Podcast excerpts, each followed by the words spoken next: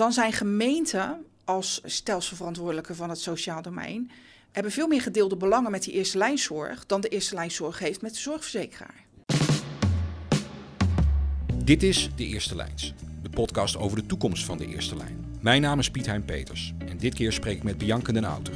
Bianca is oprichter en bestuurder van JB Lorens, expertbureau in het sociaal domein en uitgever van De Eerste Lijns. Bianca den Outer, welkom in uh, deze podcast. Uh, we zijn hier in uh, My Office in Den Bosch aan de rand van de snelweg A2, A59 als het goed zit. Hier, hier zit JB Lorens regelmatig hè, met, met eigen kantoor en dergelijke. Ja, klopt. Ja. En ja. JB Lorens is een expertbureau in het sociaal domein. Wat doen jullie precies? Ja, wij, houden, wij houden ons met name bezig met uh, sturing en bekostiging. Uh, maar nog meer met domeinoverstijgende samenwerking. Oké, okay, een beetje de taaie vraagstukken van het sociaal ja. domein, mag ik dat zeggen? Ja. Nou, heb jij een tijd geleden als voorvrouw van JB Lorens besloten om de Eerste Lijns over te nemen? Eerste Lijns mediaplatform, oorspronkelijk van Ineen. en jij zei, ja, daar wil ik mee aan de gang. En dat, daar zie ik een kans ook vanuit JB Lorens en vanuit het sociaal domein. Waarom? Um, nou, ik heb natuurlijk, ik, ik, stond, een beetje met beide benen. Enerzijds in de uh, eerste lijnzorg en anderzijds in het uh, sociaal domein. Uh, die werelden die lijken heel ver uit elkaar te liggen, maar dat is eigenlijk helemaal niet zo. En wat ik zag is dat we hebben natuurlijk een heel jong stelsel in het, met, met het sociaal domein. En de eerste lijnzorg is, is, is al veel langer en is helemaal, nou ja, dat zit in, het, in de haarvaten van onze samenleving. Weet iedereen die, wat die eerste lijnzorg is, wat de waarde daarvan is. Um, en ik zag echt heel veel kansen als het gaat om de samenwerking tussen eerste lijnzorg en het sociaal domein. Kansen?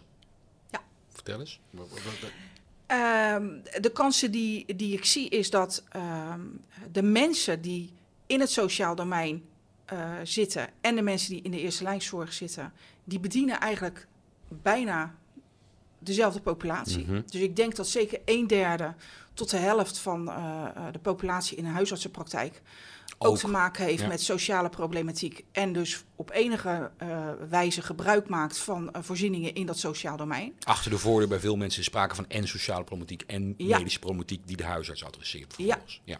En ik denk dat die sociale uh, problematiek steeds verder in die eerste lijnzorg doordringt. Omdat dat stelsel heeft er natuurlijk voor gezorgd dat het hele speelveld veranderd is. Mhm.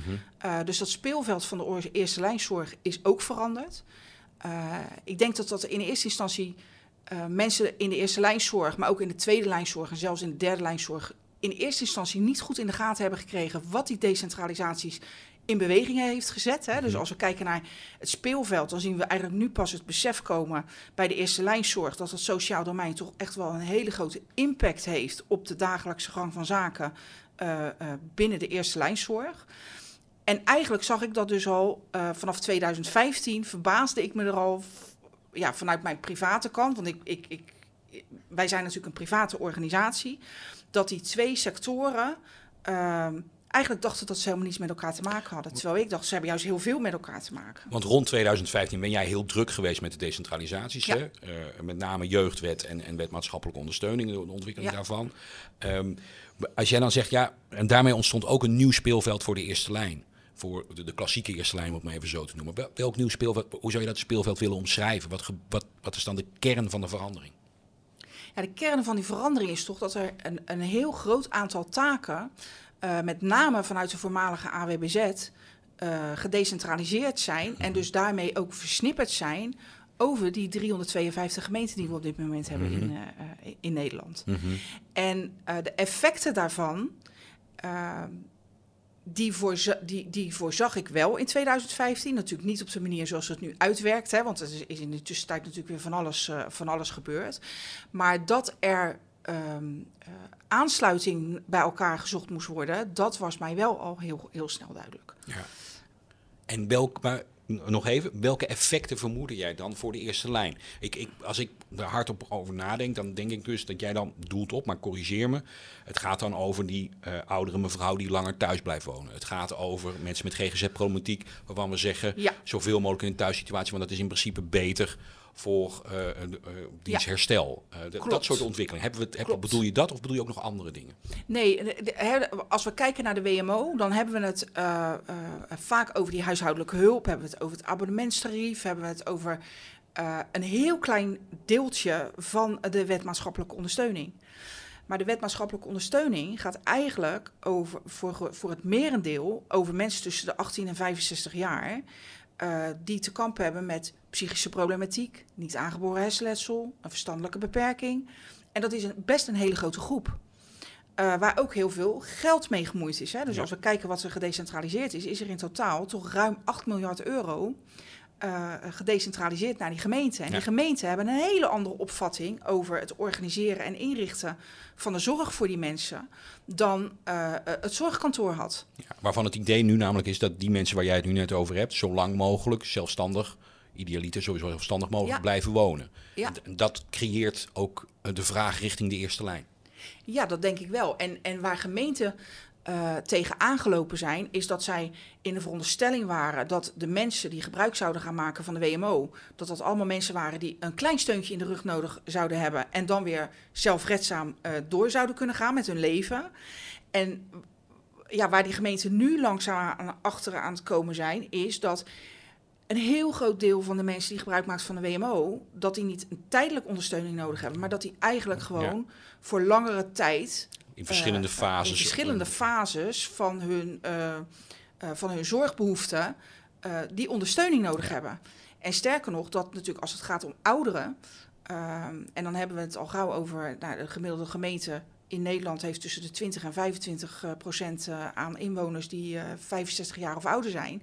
Die mensen die komen natuurlijk op een gegeven moment in een zorgval terecht en moeten dan van het, van het stelsel van de WMO overgaan naar het stelsel van de langdurige zorg. Ja. En die eerste lijnzorg, die zit daar als een scharnier tussen.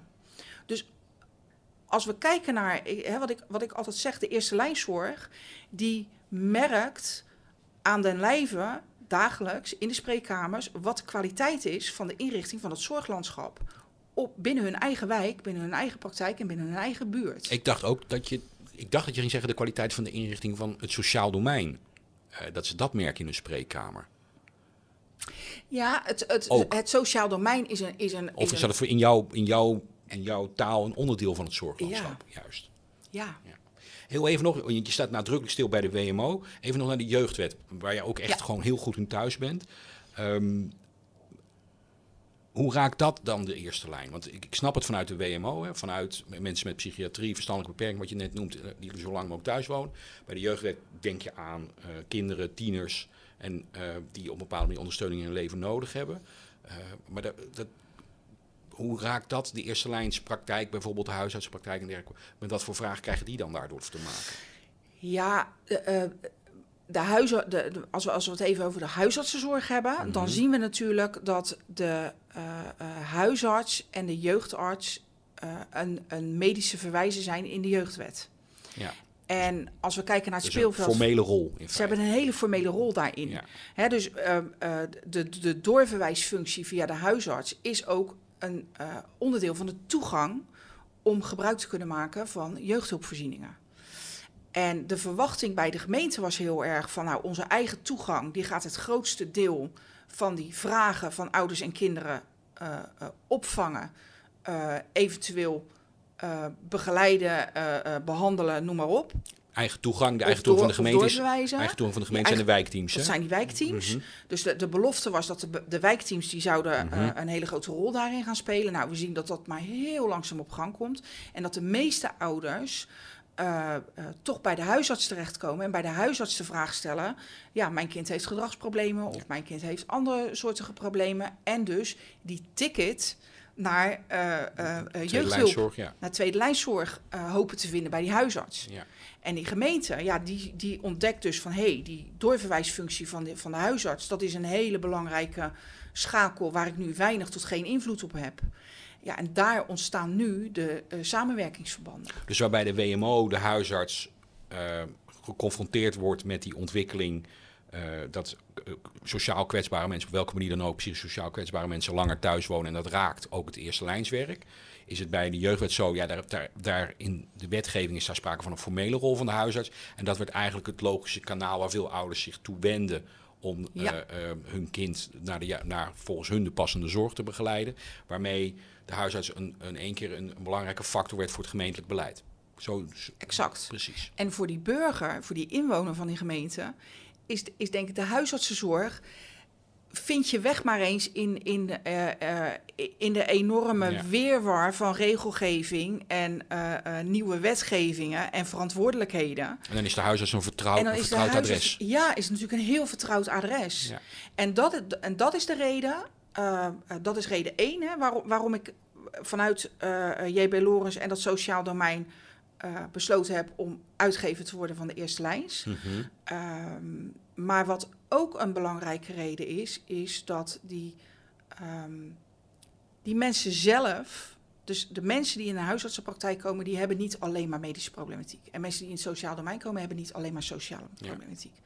Dat, een mens laat hoort zich bij niet elkaar. in. Het hoort bij elkaar. Dus het, waar je het eigenlijk over hebt, is dat jij zegt er is een nieuwe eerste lijn ontstaan. Een bredere eerste lijn dan wat we voorheen, voor 2015, als eerste lijn definieerden. En eigenlijk ook, als we dan kijken naar degene die eh, stelselverantwoordelijk is in het sociaal domein, ehm, dan, dan zijn gemeenten als eh stelselverantwoordelijke van het sociaal domein veel meer, hebben veel meer gedeelde belangen met die eerste lijnzorg dan de eerste lijnzorg heeft met de zorgverzekeraar. Ja. En dat is, nog een, dat is echt nog een ontdekkingstocht. Tocht, wat op dit moment plaatsvindt. En, die ontdekkingstocht, hè, waar jij een rol in speelt vanuit JB Lorens, vanuit het expertbureau dat je bent, maar ook vanuit ehm, de eerste lijns en eh, dat je daarin gestapt bent als uitgever.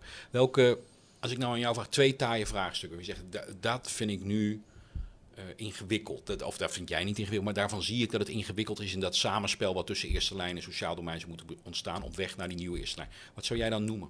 Ja, dat, dat is toch die domeinoverstijgende samenwerking. Mhm. Dus hoe zorgen we er nou voor dat we eh, eh, over onze eigen organisa- organisatiegrenzen heen een goede samenwerking met elkaar gaan realiseren? Want geen enkele organisatie en geen enkele stelselverantwoordelijke of financier is in staat om de co- complexe maatschappelijke problematiek waar we nu voor staan en waar we voor komen te staan in zijn eentje op te lossen. Mhm.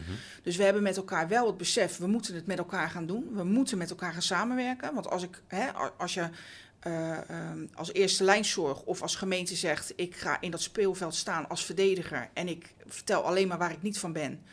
eh, eh, en waar ik wel van ben en voor de rest zoekt iedereen het maar uit... dan gaat het niet worden. Dus die domeinoverstijgende samenwerking... daarvan is iedereen wel bewust van, dat moeten we gaan doen... Maar hoe we dat moeten doen en hoe we dat eh, inhoud gaan geven, dat, dat is een heel taai vraagstuk. Mhm. En ik denk dat het een heel taai vraagstuk is, is dat we het toch nog steeds heel erg hebben over mensen. Dus we zijn nu wel vanuit... Over cliënten, over, patiënten, ja, over burgers. Over burgers, inwoners, patiënten, cliënten, nou, Mhm. hoe, je, hoe je ze allemaal wil noemen. Mhm. Eh, ik praat liever niet over burgers, want die halen we bij de McDonald's. Eh, dus ik praat het liefst over inwoners. Helder. Ja, dus die, die, die, die inwoner die is cliënt bij, eh, een, een, een, bij, bij de gemeente. Die is patiënt bij die, bij die huisarts. En we zeggen allemaal, de patiënt, de cliënt, de inwoner staat centraal. Maar we laten nog steeds die mensen niet, we laten de mensen dus nog steeds niet meedoen. Ja. Dus we hebben het nog steeds over. Dus we stellen ze wel centraal. Maar ik als inwoner die hulp en ondersteuning nodig heb, ben, nog- ben nog steeds een soort van leidend voorwerp eh, eh, in, die, in die hele kakkefonie van al die samenwerkings. Even kort inzoomen op beide vraagstukken die je schetst. Eén, de domeinoverstijgende samenwerking. Twee, niet over de burger, maar met de burger. Even zo in, kort samengevat. Domeinoverstijgende samenwerking. Waar zit de taaiheid dan precies? Want jij beschrijft, ja, eh, eigenlijk wil iedereen. En, en we staan te popelen en we zien ook de inhoudelijke noodzaak om te doen. Vanuit jouw perspectief, als iemand die gepokt en gemazeld is in dat type samenwerkingsvraagstuk, waar, waar, zit, waar zit de pijn? Ehm, de pijn zit in ehm, dat de inrichting van onze organisaties in Nederland nog steeds heel erg gericht is op eh, het eigen belang. Dus de, eh, er zijn geen drijvers die ervoor zorgen dat er eh, samengewerkt wordt in organisaties. Integendeel. Ik denk nu aan, financiële veel- drijvers. Bedoel je dat Ja, of bedoel je het breder Fi- nog? Financieel, maar ook, maar ook hoe we binnen onze eigen organisatie eh, verantwoordelijkheden belegd hebben. Hoe we governance eh, georganiseerd hebben. Hè. Als we kijken naar de eerste lijnzorg, is het natuurlijk enorm versnipperd. Mhm. Nou, op het moment dat je aan de achterkant van de huisartsenzorg wel met elkaar aan het samenwerken bent, maar je geeft elkaar niet het mandaat. Ja, hoe zit je dan aan tafel? Hè? Dan, ik, ik zit nog steeds heel vaak, als ik vanuit gemeentelijk perspectief zit, eh, zit ik aan tafel met huisartsen die dan zeggen van ja, ik, ik spreek wel namens de regio-organisatie. Maar elk besluit of elke vraag die jullie ons stellen, moet ik eerst mijn, mijn achterban consulteren. En dan moeten daar eerst 80 huisartsen iets van vinden voordat ik hier aan tafel zaken mag doen met jullie. Dat is een governance vraagstuk. Ja.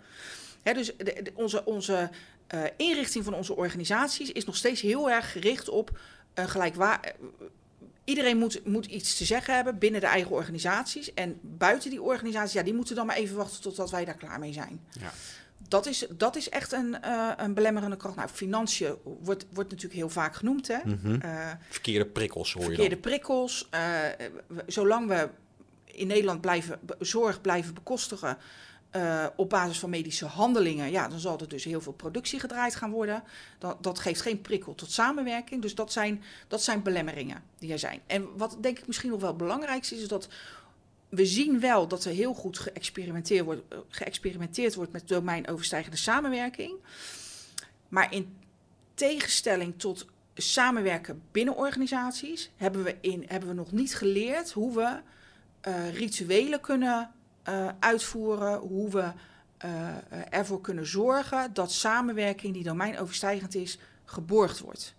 Dus om je een heel concreet voorbeeld te geven, Graag. als ik binnen een organisatie werk, dan ga ik naar die, eh, da- da- dan, dan ga ik taart eten bij mijn collega, want die is jarig. En eigenlijk heb ik helemaal geen, ik heb helemaal geen tijd voor, maar dat doe ik, dat hoort gewoon, Nou, dat doe je. Cultuur. Dat- ja, en we gaan met z'n allen in een kano zitten en, eh, het, eh, voor onze personeelsdag, terwijl we er helemaal geen zin in hebben. Maar dat hebben we met elkaar. Dat zijn rituelen en spelregels die we met elkaar afgesproken hebben, zodat we binnen onze eigen organisatie het een beetje leuk met elkaar eh, kunnen blijven samenwerken. Ja. Hè, dus dat, dat we niet allemaal kleine koninkrijkjes worden en afdelingjes, maar dat we met elkaar één organisatie eh, eh, zijn. Teamontwikkeling. En dat we een team hebben. Nou, we zijn in Nederland ontzettend goed in 360 graden feedback. Dus we, we, we, zijn, we hebben al lang geen eh, eh, eh, bazen meer die eh, vertellen hoe wij ons werk doen. Hè. We, we- dat, dat gaat allemaal met 360 graden feedback. Daar zijn we heel goed in georganiseerd. We vertellen elkaar eh, verhalen. We weten wat de historie is van onze organisatie. Maar als het gaat om domeinoverstijgend samenwerken, dus als we die, zodra we die organisatiegrenzen overgaan, dan komen we in een soort niemandsland en daar zijn nog helemaal geen rituelen ontwikkeld. Er zijn nog geen spelregels bedacht. Er is nog geen borging over waarom gaan we op deze manier samenwerken en welke keuzes hebben we daarin gemaakt. Er is geen historisch geweten. Het be- Het beeld wat bij mij ontstaat is bijna... eh, ik merk dat ik naar het Wilde Westen in mijn hoofd nu ga... maar dat je vanuit verschillende stammen even op een gezamenlijke plek komt... daar uitwisselt van zo en zo... eh, hoe gaan we dit doen? En dan trekken we allemaal weer terug naar onze eigen stam... waar we de cultuur en de sfeer en de gewoontes en de rituelen hebben. Maar jij zegt, jij, die gemeenschappelijke plaats... daar moet een identiteit... het woord meldt zich nu, meldt nu in mijn hoofd... Ja, Met, met alles wat daarbij hoort ontstaan. ja. En eh, daar moet aan... Maar, En, en dat organiseer je rondom die maatschappelijke opgave die je met elkaar hebt. ja. En dus op het moment dat je met elkaar gedefinieerd hebt. Wij hebben hier te maken met een. eh, eh, wij- werken hier met elkaar in een gemeente. Maar tussen de 25 en 30 procent van de mensen 75 plus gaat worden. Eh, in een context waarbij mensen langer zelfstandig thuis moeten wonen. We een enorm tekort hebben aan specialisten ouderengeneeskunde. Dan hebben we als eerste lijnzorg en als gemeente hebben we echt wel een gemeenschappelijke opgave. Ja. En als we daarop willen samenwerken, dan zie je op dit moment dat dat best wel lukt. Hè? Dat er altijd voorlopers zijn, mensen zijn die dan het initiatief nemen en zeggen van we gaan met elkaar samenwerken. Maar de borging van die samenwerking die ontbreekt vaak. Dus dan gaan mensen weg en dan Ja. zie je dat die hele samenwerking weer uit elkaar valt. En dat fascineert mij mateloos. Want hoe zorgen we er nou voor dat al die mooie pareltjes van domeinoverstijgend samenwerken, dat dat ook beklijft en dat we dat kunnen gaan opschalen. Want als we het allemaal heel leuk kleinschalig houden, ja, dan hebben we een klein beetje impact in onze beperkte invloedssfeer van een, een gemeenschap, een wijk of in een buurt. Maar zodra die eh, sleutelfiguren vertrekken, Ja. en dat, die sleutelfiguren, dat zijn vaak voorlopers. Dus op het moment dat er borging aan de orde is, dan, worden, dan, dan gaan die mensen zich vervelen. Die gaan weer verder. En dan is er niks meer, die, die, die- Ja. niks en niemand meer die die borging organiseert. Dus die domeinoverstijgende samenwerking, daar, daaraan zien we ook, hè, daar, hebben we ook daar hebben wij eh, vanuit daar- eh, JB Loris ook onderzoek naar gedaan. Mhm. Die domeinoverstijgende samenwerking, dat is waar iedereen naar op zoek is. Hoe moeten we dat vormgeven? Ja, eh, afrondend op dit eerste taaie vraagstuk. iedereen is er naar op zoek. Eh, in die zin dat de eerste stap vaak wel gezet wordt, namelijk het project, eh, de energie, de, eh, het, het nieuwe samenontwikkeling. Ja, dat willen we allemaal. Maar jij zegt de tweede stap, daarna er iets blijvends van maken, een cultuur, een identiteit. Daar, dat is, dat is het grote vraagstuk rondom dit, eh, die samenwerking tussen sociaal domein en eerste lijn. Ja, Oké. Tweede taaie vraagstuk wat je noemt. En dat gaat over niet voor de patiënt, bur, oh, niet burger, inwoner, een cliënt, maar met. Ja. wat is het belang daarvan? Waarom zeg jij dat dat is een essentieel vraagstuk? Ja, dat is een essentieel vraagstuk, omdat ik denk dat. ehm, eh, dus misschien wel even een kritische noot eh, die, die ik eh, mee wil geven. Maar in de zorg hebben we, weet iedereen heel goed wat het beste is voor, die, voor, voor een inwoner. En bij gemeenten weten we ook heel goed wat inwoners nodig hebben. Maar er wordt heel weinig gewerkt vanuit de ervaringen die die inwoners hebben met eh, eh, zorg en ondersteuning. Ehm, zo werken wij heel, heel veel met narratief onderzoek. Hè? wij, wij werken met omdat ervaring telt. Nou, dat is een, Narratieve een manier verhalen van die mensen zelf. narratieven eh, van, van die mensen zelf. En dan, als we het bijvoorbeeld hebben over de wachtlijsten, dan vinden we in we vinden wachtlijsten vinden we echt nadan. In de gemeenteraad, iedere, ieder raadslid bovenaan aan het prioriteitenlijstje in de top drie staat altijd geen wachtlijsten. Zorgorganisaties vinden wachtlijsten helemaal vaak niet zo- zo'n probleem. Maar als ze heel erg lang worden, wordt het natuurlijk wel heel erg vervelend. Want dan wordt die druk op die professionals er wordt steeds groter. En het, hè, je wil wel, iedere zorgorganisatie en iedere huisarts, iedere zorgprofessional wil gewoon zorg leveren daar waar het nodig is. Dus dan zijn wachtlijsten ook niet heel erg prettig. Mhm. Vraag je het nou aan die inwoners, dan blijkt uit ons cliëntervaringsonderzoeken, uit die narratieve verhalen, dat mensen op zich wachtlijsten helemaal niet zo erg vinden. Wat zij erg vinden is als ze niet op de hoogte gehouden worden van hoe lang het nog duurt, wat de reden is van die wachtlijsten en wanneer ze, eh, eh, eh, wanneer ze zorg kunnen verwachten of niet kunnen verwachten. Dus dat verwachtingsmanagement is voor cliënten, voor inwoners, veel belangrijker dan die wachtlijst aan zich. En daar kom je achter door En daar, ja, met ze in gesprek te gaan en erachter halen hoe zij naar dat vraagstuk kijken. ja. Dus wij denken met z'n allen die wachtlijsten moeten opgelost worden. Ja. Maar die inwoners, die laten vanuit hun verhalen zien dat die wachtlijsten niet zozeer het probleem is, maar het feit dat je dus niet op de hoogte gesteld wordt van, ja, waar bevind ik me in de wachtrij en eh, wanneer kan ik wel verwachten. Dus Wat maakt nou dat... Want we beleiden eigenlijk dit hele afgelopen decennium, hè, en ik- we zitten eigenlijk al in het volgende decennium, maar eh, de afgelopen tien jaar beleiden we voortdurend dat het met de patiënt, cliënt, eh, inwoner zou moeten zijn. Ehm, wat maakt dat we, dat, dat we daar maar niet in slagen als professioneel sociaal domein in eerste lijn? Wat maakt dat we dat zo moeilijk vinden? Hoe kijk jij daarnaar? ja, ik. Nemen we ze ehm, toch uiteindelijk niet helemaal ons- het- Nee, ik denk eerder dat het ehm, eh, de rituelen die we met elkaar hebben, dus de vergaderingen die we met elkaar hebben en de samenwerking. Het professionele of- discours. De, de, de hele, ja, dat wordt een soort van eh, verstoord doordat er dan een ervaringsdeskundige aan tafel zit of, of, of, Ja. of ge- ge- gevraagd wordt. Want daar heeft het ook mee te maken. Kijk, als we substitutie hebben naar inwoners die middels herstelcirkels of eh, door zelf groepen te, te vormen elkaar helpen bij de vraagstukken die ze hebben. Ja, wat is dan jouw toegevoegde waarde nog als professional? Waar, waar zit jouw... Wat is dan de waarde die jij nog creëert? Dus het is ook een beetje identiteitsverlies voor professionals. Wat, wat dreigt, Misschien wat daarachter zit. Misschien wel. Maar ik hoor je ook zeggen, het is ook het, ook het ontstaan of het doorbreken van eh, gewenningspatronen, van professionele patronen van vergaderen, van bij elkaar komen, van hoe wij dingen met elkaar doen. Zoals op een congres bijvoorbeeld het verhaal van iemand uit de zaal die eh zelf ervaringsdeskundig is, altijd een ander type taal en bijdrage is dan de professionals die met elkaar aan het uitwisselen Ja. zijn. De- Ja. Het is, werkt verstorend.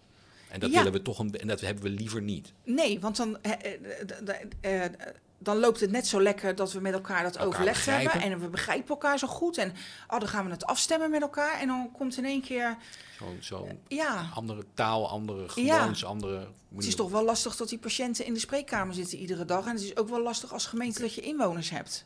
Als die er niet zouden zijn, zou het leven een stuk makkelijker zijn. Je, je werkt aan de integratie van het sociaal domein in de eerste lijn vanuit JB Lorens. Eh, je, je schetst twee taaie vraagstukken die we hier kort bespreken en waar we in feite nog twee hele podcasts aan zouden kunnen besteden. Ieder op zich.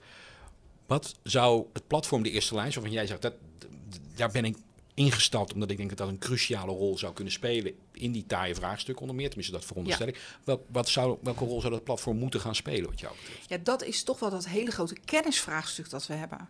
Dat speelveld is totaal veranderd door de komst van het sociaal domein. En we zien dagelijks dat dat steeds meer effecten gaat krijgen. Eh, het is een enorm jong stelsel. En wa- wat we, wat we eigenlijk iedere decentralisatie fout doen. Ik hoor het Ella Vogelaar nog tegen mij zeggen. Is dat zij zei: Bianca, Voormalig minister. voormalig minister van hè, en Vogelaarwijken, dat zij zei, Bianca, iedere keer vergeten we kennis mee te decentraliseren. Dus er wordt, er wordt overal aan gedacht bij het decentraliseren van, van, van, van eh, eh, taken vanuit de centrale overheid. Maar op het moment eh, dat het decentraal belegd wordt, dan wordt het kennisvraagstuk dat dat met zich meebrengt, wordt altijd onderschat. Ja. En ik denk dat, ehm, eh, eh, dat er echt behoefte is aan een onafhankelijk platform. Dus los van de brancheverenigingen, los van alle belangenorganisatie.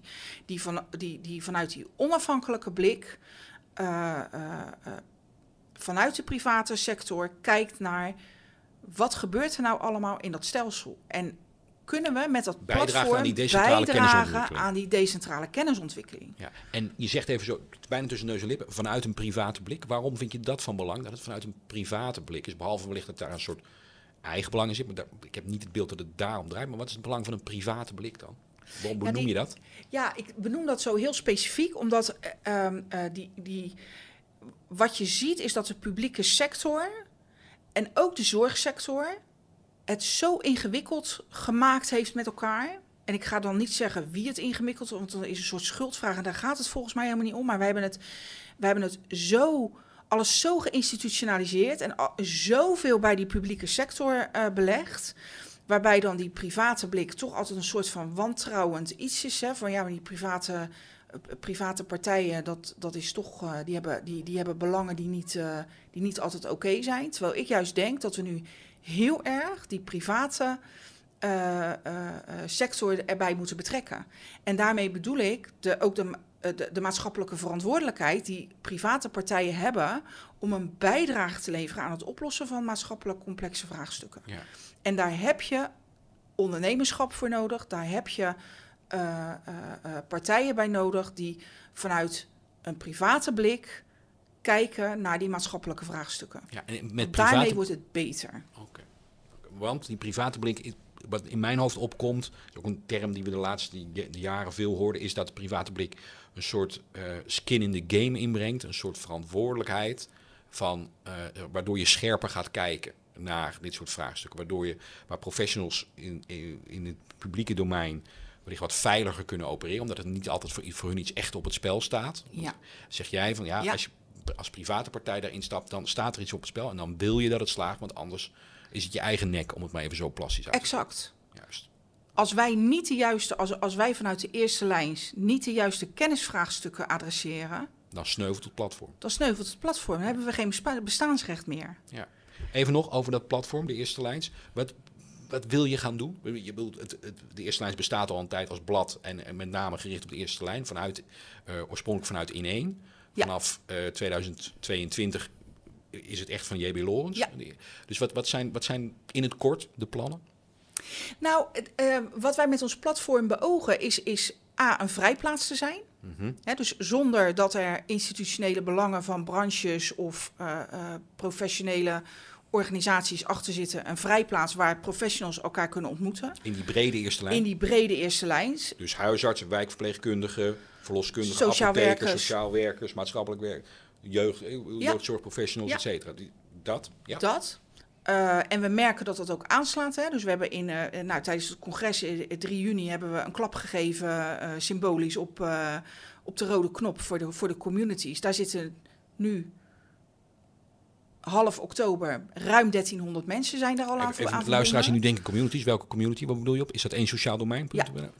één sociaal domein hebben we, hebben we twee channels eh, eh, eh, waar we onze academisch sociaal domein ondergebracht hebben en waar we de eerste lijns ondergebracht hebben. Mhm. Nou, wij zijn nu aan het experimenteren met videosessies. Dan zie je dat er enorm veel belangstelling is en dat er eigenlijk ja, dat, dat we echt een vrijplaats zijn. Hè? Dus er zitten huisartsen, er zitten wijkverpleegkundigen, er zitten wijkteammedewerkers. Iedereen ontmoet elkaar daar. Mhm. Daar, daar Ehm, ontstaat die daar- decentrale kennis, die regelen, daar Ja. wordt uitgewisseld. Daar wordt, En die kennisuitwisseling. Dus, Ja. dus wat dat betreft wo- worden, wordt het platform is voor, maar vooral ook door de mensen zelf. Want die vinden elkaar op dat platform en gaan gewoon vanuit die uitvoeringspraktijk met elkaar die kennis uitwisselen. Eh, waardoor ze weer in hun, in, in hun eigen eh, eh, buurt of in hun eigen omgeving aan de slag kunnen. Ehm, en daarnaast zijn we dus heel actief bezig met die kennisuitwisseling. Dus hoe zorgen we er nou voor dat bijvoorbeeld wetenschappelijke inzichten vertaald worden naar praktische trainingen? Hoe maken we die verbinding? Dus we zijn ook heel erg hard bezig om bijvoorbeeld resultaten vanuit academische werkplaatsen.